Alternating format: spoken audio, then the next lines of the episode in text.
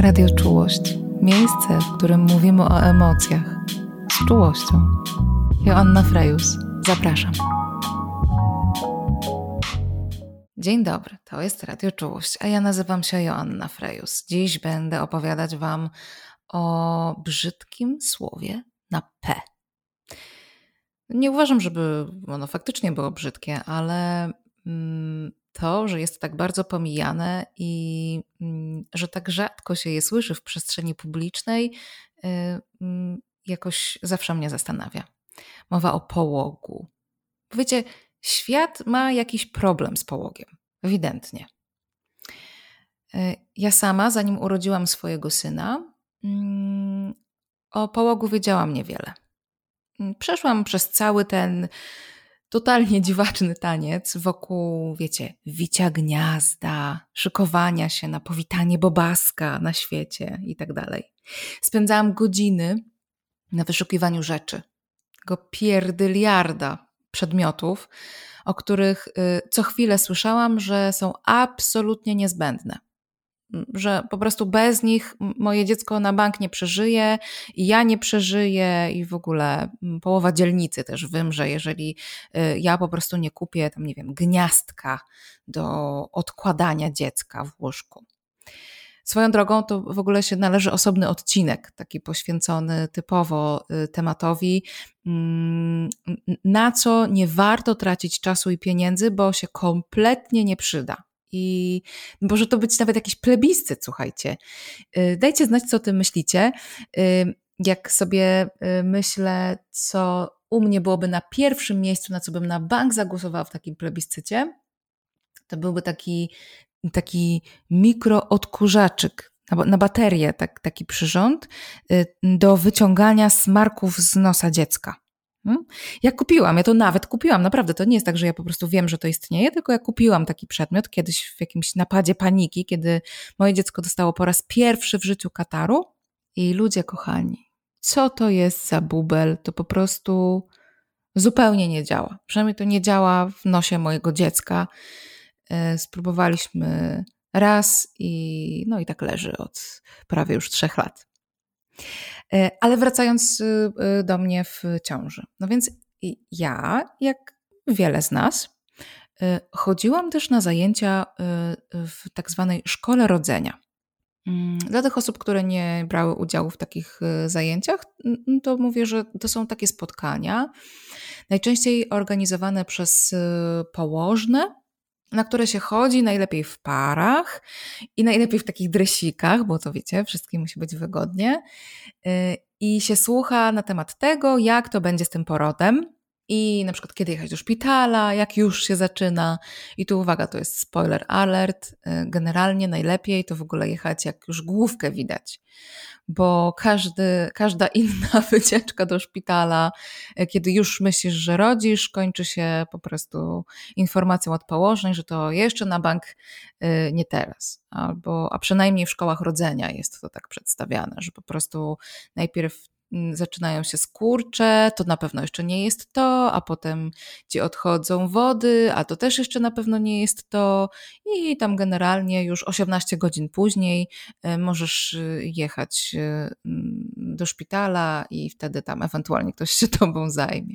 Ja zresztą też jestem przykładem osoby, która rodząc mm, dostała informację, że wcale jeszcze nie rodzi i zostałam odesłana do domu, po czym wracałam na sygnale E, z powrotem na porodówkę i, mm, no i jakoś nie wspominam tego porodu y, doskonale. Ok, ale wracając do szkoły rodzenia, czyli tego, co następuje zanim zaczniemy rodzić, w postaci takich kilku spotkań, mm, i to jest w ogóle dosyć zabawne, bo mm, jak sobie przypominam, jak na filmach wyglądają takie sceny, że niby para jest na szkole rodzenia, to, to tam jest najczęściej y, to pokazane w taki sposób, że tam ludzie chuchają, y, że, że się kobieta ciężarna uczy oddychać w porodzie i tak dalej. Ja nie wiem, w mojej szkole rodzenia tego nie było. Może to było u Was, ale jakby u nas to były wykłady, tylko siedzieliśmy na poduchach na podłodze.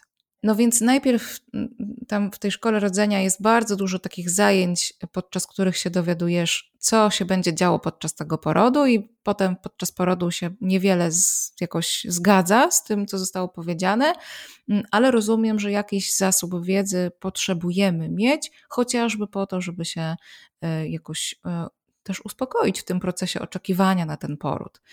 Mm, myślę sobie, że jakimś problemem jest to, że najczęściej w szkole rodzenia pokazywana jest tylko jedna opcja, jedna wizja tego porodu, a więc taka wizja idealna, do której my się później bardzo przywiązujemy. I kiedy e, ten poród wygląda jakoś inaczej, z bardzo różnych względów, to, to jest jakoś trudne y, do przyjęcia i mm, trudne do przepracowania i jest źródłem jakichś naszych mm, trudności emocjonalnych, ale to jest chyba temat na osobny podcast. No, w każdym razie tej szkole rodzenia najpierw jest długa seria spotkań na temat tego, jak będzie wyglądał poród, a następnie płynnie przeskakuje się do, wiecie, kompania lalek, takich imitujących dzieci, zakładania im pieluszek, y, zgłębiania w ogóle bardzo skomplikowanego nazewnictwa, tych poszczególnych elementów dziecięcej garderoby. Nie wiem, jak nie macie jeszcze dzieci, to to jest w ogóle y, naprawdę bardzo skomplikowane, nie? I, a jednocześnie, y, będąc w szkole rodzenia, ma się wrażenie, że to jest jakoś szalenie istotne, żeby wiedzieć, co to jest bodziak i czym się taki bodziak różni od śpiochów. No ja nie wiem, ja generalnie do tej pory nie do końca y, to rozróżniam, y, ale mam wrażenie, że to nam nie przeszkodziło y, w ubieraniu dziecka. Mm, podczas zajęć, mm, tych, na które my uczęszczaliśmy, mm, kiedy osoba je prowadząca nieopatrznie zadała pytanie, no, czy tu macie jeszcze jakieś pytania, czy jakiegoś kawałka wiedzy Wam tutaj brakuje? No to ja y, odpowiedziałam w y, całej swojej naiwności, że ja to bym w ogóle chciała porozmawiać więcej o połogu. Że mi się wydaje, że to jest jakiś temat, że to chyba nie jest tak, że się jedzie do porodu, a potem już się y, tam tylko nad tym bobaskiem pochyla. Nie? Że ja bym chciała też coś o emocjach, które się mogą wtedy pojawiać, co tam z nimi ewentualnie można robić. A wiecie, wiedziałam o czym mówię, bo byłam, jestem osobą w grupie ryzyka. Ryzyka zachorowania na depresję, y, ryzyka zachorowania na y, czy w ogóle doświadczenia zaburzeń lękowych. Więc bardzo mi zależało na tym, żeby w takiej grupie przyszłych rodziców i z y, specjalistką na sali porozmawiać też o tym aspekcie. No ale usłyszałam w odpowiedzi, że w zasadzie to tego nie ma w programie. Y, I że y, połóg to jest taki, taki czas, kiedy się bardzo dużo krwawi, więc w ogóle najbardziej strategiczną rzeczą w kontekście przygotowania się do y, połogu to jest zakup hurtowych ilości podkładów higienicznych i wykupienie całego zasobu takich, wiecie, majtek z siatki w aptece. Hmm. A, i że nasiadówki są też takim lekiem na całe zło, że tam trzeba robić nasiadówki, czyli generalnie siadać pupą, w, no może nie, nie, konkretnie o pupę chodzi, ale generalnie y, y, tak sobie nasiadywać na miejsce i w tej miejsce y, mogą być jakieś zioła, które łagodzą podrażnienia po porodzie. Podrażnienia to jest eufemizm, wiecie, ale zachowuje jakieś pozory, w sumie nie wiem po co. Y, więc, że, że to jakoś, że o tym jest połóg, a no i oczywiście, że hormony szaleją, że to jest czas, kiedy po prostu szaleją hormony. No i w zasadzie tyle. A uczęszczałam, musicie wiedzieć, do szkoły rodzenia prowadzonej przy jednym z najsłynniejszych szpitali położniczych w Polsce. I tu chodzi o dobrą sławę. Nie to, że on słynie z tego, że tam jakoś e, jest dużo ignorancji, tylko to jest taki szpital, który ma bardzo dobrą sławę. Mm, znajduje się w dużym mieście, w stolicy i jest to szkoła prowadzona przez taką bardzo szeroko wychwaloną położną. No ale tak sobie pomyślałam, że no dobra, no jakby to może to o niczym nie świadczy, że mm, jakoś po prostu może nie, jakoś nie najlepiej trafiłam, jakiś niepełny program, nie wiem, osoba, która miała omówić ten temat, yy, yy, tam emocji w połogu i wczesnym macierzyństwie się tam, nie wiem, rozchorowała, nie? Yy, no ale ja nie zostawiam takich rzeczy y, domysłom, jak wiecie, i po, postanowiłam mm, zapytać Was. Y, uruchomiłam taką ankietę na moim profilu na Instagramie o Matko Depresja.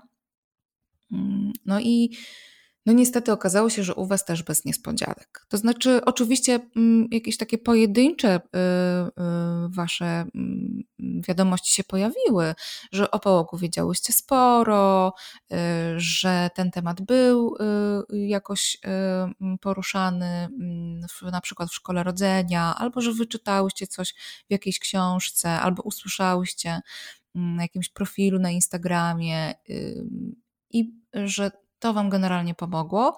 I, i tak naprawdę to jest ten moment, kiedy mm, pomimo, że mm, chyba dwa odcinki temu narzekałam na Instagram w kontekście zdrowia psychicznego mam, to teraz muszę przyznać, że mm, ten Instagram się czasami przydaje. To znaczy, w momencie, kiedy o wielu kwestiach związanych z macierzyństwem różne instytucje i różne osoby, które powinny nam taką wiedzę przekazywać, milczą, to Instagram czy w ogóle media społecznościowe są takim miejscem, w którym my się możemy taką mm, wiedzą dzielić. Czyli ta wiedza płynie od mam do mam, e, od mam już mam do mam przyszłych mam. I w związku z tym wiele z nas e, jest w stanie skorzystać z tej wiedzy zawczasu bo dostaję też dużo takich informacji, że o, szkoda, że nie czytałam ciebie wcześniej, to bym była bardziej przygotowana. Y, zdarza się nam trafiać na te informacje też y, wcześniej, zanim same doświadczymy czegoś y, jakoś niefajnego, nie będąc na to przygotowane. Na przykład jest taka akcja, którą organizuje osoba, która prowadzi profil Drużyna B i e, ona rozkręciła chyba w 2020 taką akcję połóg to normalne. E, więc możecie sobie mm, poszukać takiego hashtagu na Instagramie i zobaczyć. Dużo się tam bardzo takich wspierających treści e, pojawiło w, przez ostatni rok, więc jeżeli chcecie zgłębiać temat, to, to jak najbardziej wskakujcie i pod tym hashtagiem powinnyście znaleźć dużo wspierających i takich właśnie totalnie mm, naturalnych po prostu e, treści e, i dużo też zdjęć w majtkach z siatki. No, ale dobrze, to poza tymi osobami, które rzeczywiście natrafiły na takie różne wspierające profile, albo na wspierające rozdziały w książkach, albo mm, po prostu trafiły do takiej szkoły rodzenia, która tego w swoim programie nie pominęła, no to jednak większość z Was, i to taka zatrważająca większość, pisze, że jednak o połogu wiedziałyście bardzo niewiele. Mm, część z Was pisze wprost, że nie wiedziałyście nic. E, bo ten temat z jakiegoś powodu był i nadal jest pomijany przez różne instytucje, mm, z którymi mamy styczność jako osoby spodziewające się dziecka, a więc spodziewające się również porodu oraz połogu przecież. Ale też, co chyba jeszcze smutniejsze, że ten temat często jest e, jakoś mm, nie jest poruszany mm, przez po prostu bliskie nam kobiety. Nie wiem, jakie wy macie doświadczenie, ale ja y, nie pamiętam takiej rozmowy z mamą, nie wiem, teściową czy in, innymi bliskimi mi kobietami na temat tego, jak ten połóg w ich przypadku wyglądał. Y, myślę sobie, że istnieje duża wyrwa, że dzielimy się tymi opowieściami porodowymi, bo one są często jakoś mm, takie y, intensywne i mamy często nawet potrzebę mówienia o porodzie, ale z jakiegoś powodu o tym połogu y, słyszymy niewiele. Zresztą wiecie, media społecznościowe jak media społecznościowe, ale media po prostu bardzo nam to utrudniają, mam wrażenie. Słyszałyście o tym zbanowaniu reklamy. To była reklama e, środków higienicznych, mm, w której e, pokazano kobietę w połogu w taki bardzo naturalny sposób, nie naturalistyczny, naturalny. No właśnie, wiecie, babeczka w mm, takich siatkowych majtkach, z podkładem, siada na toalecie. Widać, że, że to jest, wiecie, trudne po prostu, że y, jest, że jest dużo bólu, że, że to nie jest proste, ale też jest dużo takiej czułości w tym wszystkim, takiej, wiecie, powolności, czułości do siebie. Wydaje mi się, że tam było też widać e, wkładki laktacyjne, czyli też jakoś e, trochę było o tym, że połóg to jest też ten moment, kiedy dużo się dzieje w kontekście potencjalnego karmienia piersią. Jakby świat medialny tego nie był w stanie przyjąć i puścić dalej. Po prostu nie pozwolono, żeby ta reklama została wyemitowana w przerwie mm, reklamowej gali rozdania Oscarów. I to jest w ogóle jakiś, jakiś temat. I to jest w ogóle coś, co sprawia, że mi od czasu do czasu wybucha głowa. Nie pozwolono wyemitować reklamy, y, która pokazywała kobietę w sytuacji takiej totalnie naturalnej, takiej, której doświadcza każda osoba, która urodziła dziecko. Mhm. No, świat po prostu nie jest na to przygotowany. Świat ewidentnie ma jakiś problem z krwawiącymi kobietami, z krwią krwawiących kobiet i, i generalnie z matkami takimi, wiecie, które nie są w, jakiejś, e, w jakimś najlepszym momencie swojego życia, tak? Z matkami z obniżonym nastrojem. Po prostu to się nie mieści w przekazach medialnych. Jak sobie tak e, rozmyślałam i też rozmawiałam o tym, co my właściwie słyszymy na temat samopoczucia osoby, która właśnie wydała na świat dziecko, czasami po raz pierwszy w życiu, to zauważyłam, że najczęściej padają takie trzy stwierdzenia. Mm, po pierwsze, mm, że połóg to jest tylko 6 tygodni, a potem się wraca do normy. E, czasami nawet to jest rozwijane, że się po tych 6 tygodniach w się wraca do stanu sprzed ciąży. E, po drugie, no to jest to sławetne po prostu hormony szaleją, no i generalnie tak to jest i po prostu trzeba się przemęczyć. Zacisnąć zęby, przemęczyć się, to mija. I jeszcze jeden przekaz, taki bardzo silny i mam wrażenie bardzo w nas zakorzeniony, że w połogu najważniejsze to zadbać o dziecko, że cała uwaga powinna być skupiona na tymże dziecku właśnie. No i wiecie, fajnie, że się gada y, o połogu y, czasami. Mm, szkoda tylko, że te stwierdzenia, które na temat y, połogu słyszymy najczęściej, one się po prostu bijają z prawdą.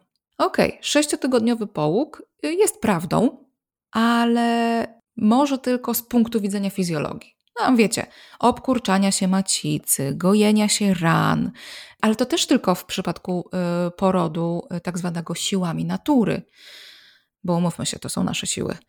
E, w przypadku porodu przez cesarskie cięcie, na przykład, który też jest e, porodem, e, w którym my wkładamy mnóstwo, mnóstwo wysiłku przecież, to y, tutaj mówi się już o takim fizjologicznym połogu, y, zdaje się, dwukrotnie dłuższym. Więc już nawet w tym przypadku y, to stwierdzenie, że połóg trwa 6 tygodni, jest po prostu nieprawdziwe. No a wiecie, przez cesarskie cięcie w Polsce rodzi ponad 40% osób rodzących, więc umówmy się, że to nie jest takie oczywiste sześciotygodniowe stwierdzenie. Z psychologicznego punktu widzenia natomiast połóg trwa nawet 12 miesięcy. A jeśli karmisz piersią w taki czy inny sposób y, dłużej niż 12 miesięcy, no to y, ten połóg psychologiczny może trwać nawet do czasu zakończenia tego karmienia. I to jest niezła rozbieżność w informacjach, co?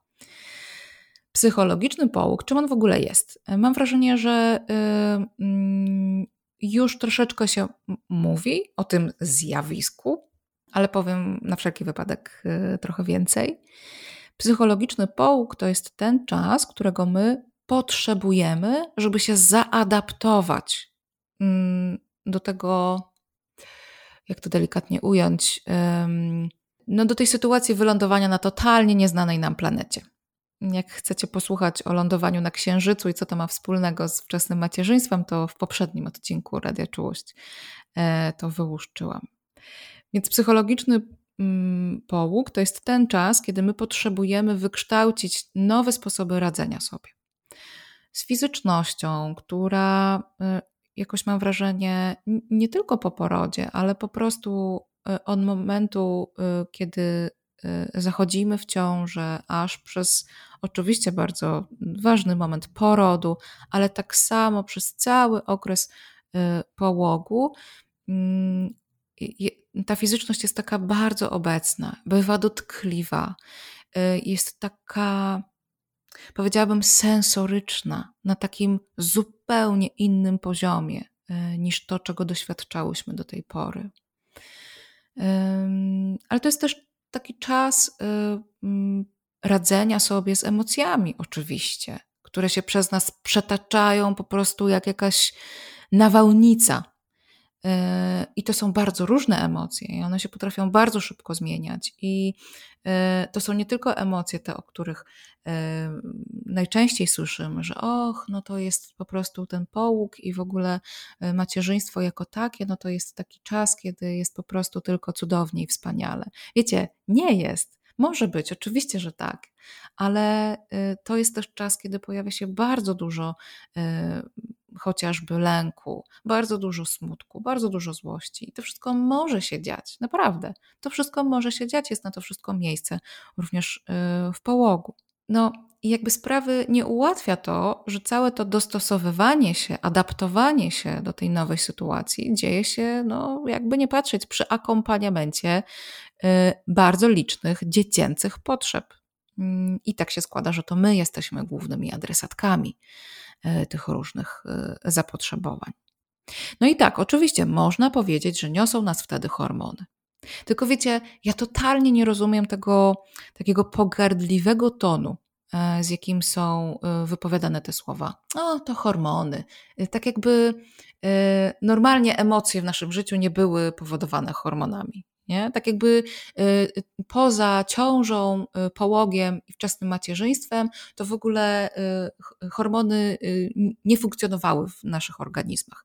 Tak jakby wreszcie w męskich organizmach również hormony nie funkcjonowały nie wpływały na zachowania, samopoczucie i funkcjonowanie organizmu osoby, która ten organizm posiada. Come on! Mm, to, co jest wyjątkowe w tych mm, hormonach, w połogu, to to, że to jest jakiś totalnie mm, piękny, niepojęty i też jakoś e, w pewnym sensie gwałtowny mechanizm. I oczywiście, że ta gwałtowność jest jakoś y, trudna, no bo y, jednak jesteśmy w, jakimś sensie targane y, emocjami, natomiast dokładnie te emocje i dokładnie te hormony e, pozwalają nam też otworzyć się na tyle, na tyle wyostrzyć te wszystkie zmysły, żebyśmy były w stanie mm, rozpocząć czy też kontynuować budowanie więzi, więzi, tego bezpiecznego przywiązania, które mm, w jakiś sposób i to w taki znaczący sposób naznaczy samopoczucie i przyszłe relacje naszego dziecka oraz nasze. Wiecie, to jest trochę jak hmm, chodzenie po świecie ze wszystkimi nerwami na wierzchu. Odbieranie bodźców silniej niż kiedykolwiek, silniejsza niż kiedykolwiek potrzeba reagowania na te wszystkie bodźce. Hmm, I jest w psychologii i w psychoterapii takie określenie na ten moment w życiu. I y, to określenie brzmi matczyne uwrażliwienie. Jeszcze Wam o tym szczegółowo opowiem, ale na potrzeby dzisiejszych rozważań na temat połogu potrzebujemy pamiętać, że to, że jesteśmy tak bardzo uwrażliwione, że tak mocno przeżywamy tak wiele emocji, że tak bardzo nasze zmysły odbierają wszystkie te bodźce mm, zewnętrzne i wewnętrzne, służy między innymi temu, żebyśmy mogły się jak najlepiej zaopiekować swoim dzieckiem, sobą i żebyśmy mogły rozwijać tę dobrą, bezpieczną więź pomiędzy nami. No i wiecie, jak jesteś na takiej delikatnej, bardzo wymagającej misji, to myślę sobie, że to jest taki czas, kiedy wszystko powinno pracować na naszą korzyść. Że to wcale nie jest czas zaciskania zębów, całkowitej koncentracji na dziecku, tak jak to y, często słyszymy i jak to często wychodzi w praktyce. Połóg to jest czas regenerowania się i sięgania po wsparcie. A co my wtedy robimy? No, bardzo często, zbyt często zostajemy właśnie wtedy same. No bo partner czy partnerka wracają do pracy, mama albo teściowa wpadają, ale zazwyczaj tam na chwilę, na dwa tygodnie, jak mamy szczęście i w ogóle ma kto do nas przyjechać. E, I jeszcze jak mamy szczęście, y, że w trakcie tej wizyty to w ogóle nikt nikogo nie zabija w afekcie. I że osoba, y, która przyjeżdża, jest faktycznie wsparciem dla nas, a nie Y, osobą, która jakoś nas wpędza w jeszcze głębsze poczucie winy, tak jakbyśmy go miały za mało, jako mamy małych dzieci. I wiecie, to jak dzisiaj y, współcześnie wygląda nasz połóg, to w zasadzie nie ma nic wspólnego z tym, jak to wyglądało jeszcze kilkadziesiąt lat temu. To, że my zostajemy same, że jakoś potrzebujemy mm, się same połapać w o co w tym wszystkim chodzi, że wspinamy się na jakieś totalne wyżyny naszej wytrzymałości fizycznej i psychologicznej, to jakoś kilkadziesiąt lat temu to tak nie wyglądało. Kobieta rodziła w domu, bo porody nie były jeszcze tak zmedykalizowane i fajnie, jak y, do porodu przychodziła osoba, która była w stanie pomóc, na przykład położna albo akuszerka, ale generalnie rodziło się w domu, we własnym łóżku. Później, przez kolejne tygodnie, takiej świeżo upieczonej mamie towarzyszyło po prostu grono kobiet. Jej matka, siostry, kuzynki, bo funkcjonowało się w, najczęściej w wielopokoleniowych domach i wiecie, to wsparcie było jakoś oczywiste, że jedna z nas właśnie urodziła i w związku z tym reszta z nas zajmuje się tą osobą, która jest właśnie teraz w tym takim bardzo mm, wrażliwym punkcie swojego życia, takiej dużej wrażliwości. I ma to małe dziecko jeszcze na dodatek, więc mm, jakoś y, jesteśmy tutaj po to, żeby tobie też, ciebie też wspierać, a ty nas wspierasz, kiedy my rodzimy swoje dzieci. Mm, naturalnie. Zresztą y, w takich domach oczywiście najczęściej było dużo więcej dzieci, ale y, było też dużo więcej rąk do pomocy przy tych dzieciach. No nie wspominając o tym, że też jakby standardy opieki nad dziećmi były też nieco inne. A później to dziecko jakby też płynnie, mm, dziecko, jego mama, było wspierane przez, e, wiecie, całe plemię albo wieś. Antropolodzy to nawet wyliczyli, że w takich tradycyjnych społecznościach matka spędza ze swoim dzieckiem około 60% doby. 60% doby to jest, tak wiecie, sam na, no nie, może nie sam na sam, ale że to dziecko jest pod jej wyłączną opieką. Teraz 60% doby to jest jakieś 14 godzin.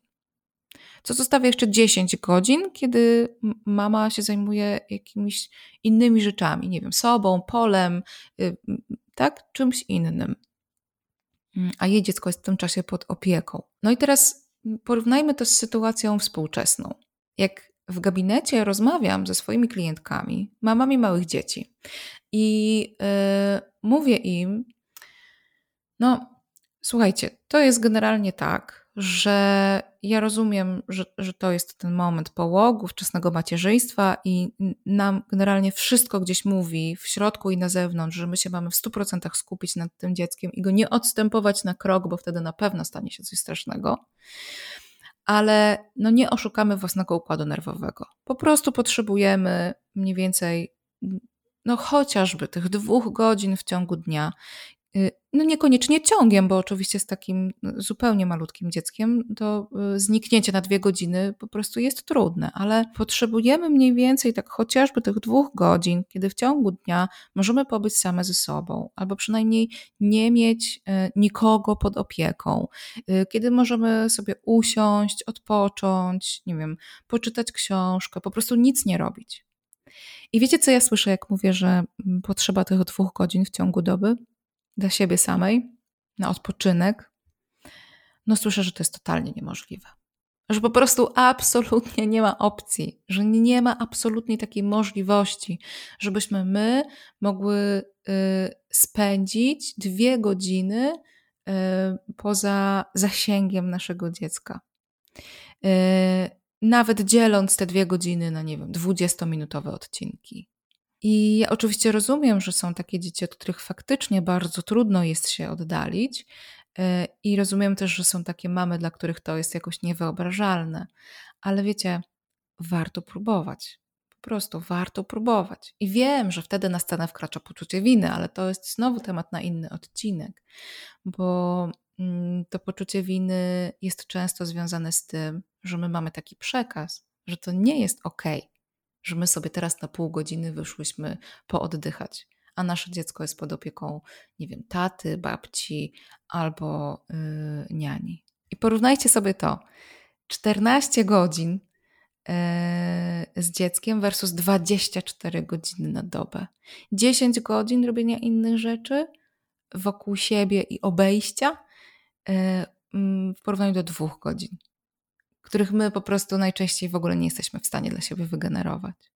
Hmm? Albo czasami słyszę, że tak, oczywiście takie dwie godzinki w ciągu dnia to w ogóle totalnie na luzie, ale jak rozmawiamy y, jakoś bardziej szczegółowo, co się w trakcie tych dwóch godzin dzieje, to słyszę, że no to jest taki czas, który się y, poświęca na gotowanie, pranie, odkurzanie, w ogóle wszystkie te rzeczy, które absolutnie nie mogą być wykonane przez nikogo innego i nie mogą poczekać. Wiecie, spoko, jeśli kogoś to relaksuje, to w porządku, można sobie takie dwie godzinki po prostu tam latać ze, ze, ze, szma, ze szmatką, ale dla większości osób to nie jest coś, co pozwala naładować baterię. Ja sama, jeszcze będąc w ciąży, mm, usłyszałam taką naprawdę wspaniałą radę na temat połogu, która mi naprawdę bardzo dużo poprzestawiała w głowie i też e, dzięki której e, ja sobie mm, jakoś pozwoliłam na dużo rzeczy we własnym połogu. I ta rada brzmiała: Połóg to jest Twój czas. Y, pomimo, że cały świat będzie Ci mówił, że to jest czas y, dziecka, no bo oczywiście, że to jest new shining thing, tak? No, nowe dziecko w rodzinie, nowy człowiek. Mm, ale nadal połóg to jest Twój czas. To jest czas, kiedy to Ty jesteś królową i masz prawo, po pierwsze, siedzieć cały dzień w łóżku z koroną y, na głowie, a po drugie, e, masz prawo wymagać, żeby inni się tobą opiekowali w tym czasie. I wiecie, jak sobie o tym myślę, to to ma naprawdę bardzo głęboki sens. Dokonałaś właśnie wielkiej rzeczy, niewyobrażalnej po prostu. Masz prawo, nawet jeśli ci się wydaje, że nie, to chcę ci powiedzieć, że masz prawo odpocząć, dać sobie tyle czasu, ile tylko potrzebujesz, żeby się po tym wielkim wyczynie zregenerować. Wiem, że sytuacja y, się nieco komplikuje, kiedy jesteś w połogu nie pierwszy raz, no bo to zazwyczaj jednak oznacza, że mm, w pobliżu są też inne dzieci do ogarniania w tym czasie i to są dzieci do ogarniania oczywiście takiego logistycznego, ale też y, emocjonalnego. Tylko wiecie, tym bardziej to jest czas, kiedy mm, jest więcej niż jedno dziecko, to tym bardziej nam się y, wtedy należy wsparcie i tym bardziej wtedy nam się należy możliwość wyleżenia w łóżku, bo pewnie nie miałyśmy takiej możliwości, będąc w ciąży. To jest taki czas, kiedy nam się po prostu, jak psu Buda, należy. Nie, nie trzymajcie psów w budach. Jak psu kiełbasa, należy nam się po prostu dostanie ciepłego posiłku spędzenie jakiegoś czasu w dobie samej, bez nikogo pod opieką. Należy nam się ta możliwość porozmawiania z przyjaciółką, albo jakąś mądrą położną, albo psychologiem czy psycholożką. Należy nam się konsultacja z fizjoterapeutką uroginekologiczną, z doradczynią laktacyjną. Po prostu należy nam się ten czas, kiedy my możemy spojrzeć w swoją stronę, zadbać o siebie, należy nam się ten, to takie dobre, czułe zainteresowanie naszą osobą i tym, co my przeżywamy. Bo właśnie z tych małych, wielkich rzeczy składa się nasz dobrostan w połogu i we wczesnym macierzyństwie, i w ogóle w macierzyństwie, i w ogóle w życiu. W tym miejscu czuję też potrzebę, żeby jakoś wspomnieć przynajmniej o osobach, które przeżywają połóg, ale nie mogą mieć tym czasie przy sobie swojego dziecka z różnych względów, bo ich dziecko musiało zostać w szpitalu, albo zmarło, albo nie mogą przy nim być z jakichś innych powodów. Wysyłam w Waszą stronę takie szczególnie ciepłe myśli, siostry. To, co chcę powiedzieć na zakończenie, to to, że to ważne, żeby pamiętać, że połóg ma swoje tempo, ma swój rytm, swój zapach i smak. To jest taki moment bycia przy sobie, przy swoim ciele, przy swoich emocjach. Że jest to moment naszej największej wrażliwości, ale też największej siły jednocześnie. To jest moment najsilniejszych emocji, w tym też tych nieprzyjemnych, ale często też tych dobrych, wcześniej zupełnie nieznanych, a przynajmniej nieodczuwanych z taką siłą. To często jest czas totalnego rollercoastera, kiedy życie po prostu staje na głowie, a my próbujemy się połapać, gdzie ręka, gdzie noga, i y, jakoś się odnaleźć w tych y, nowych zasadach, działania tego życia i naszego działania i działania tego małego ufolutka obok nas, który po prostu przylatuje bez instrukcji obsługi i działania mm, naszych relacji z tym dzieckiem, z innymi bliskimi nam osobami. I wiecie, to jest trudne.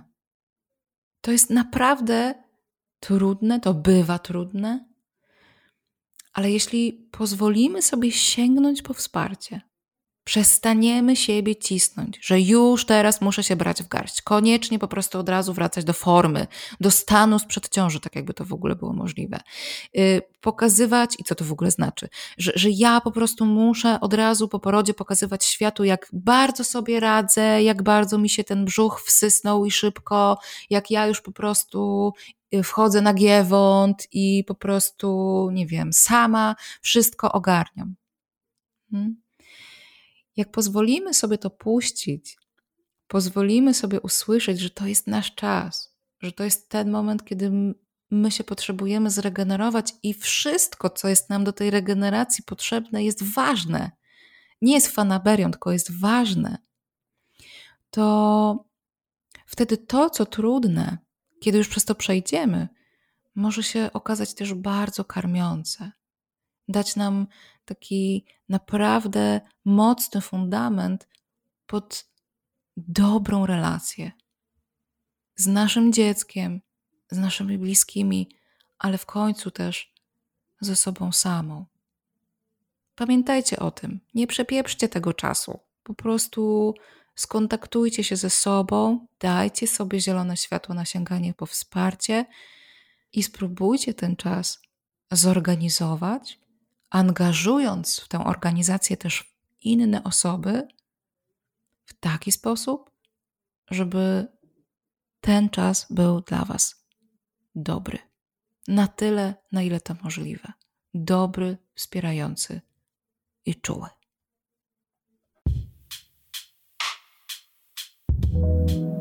To było Radio Czułość. Jeśli chcesz więcej, zajrzyj na mój profil na Instagramie o matko depresja albo na mojego bloga pod adresem www.joannafrejus.pl. Do usłyszenia.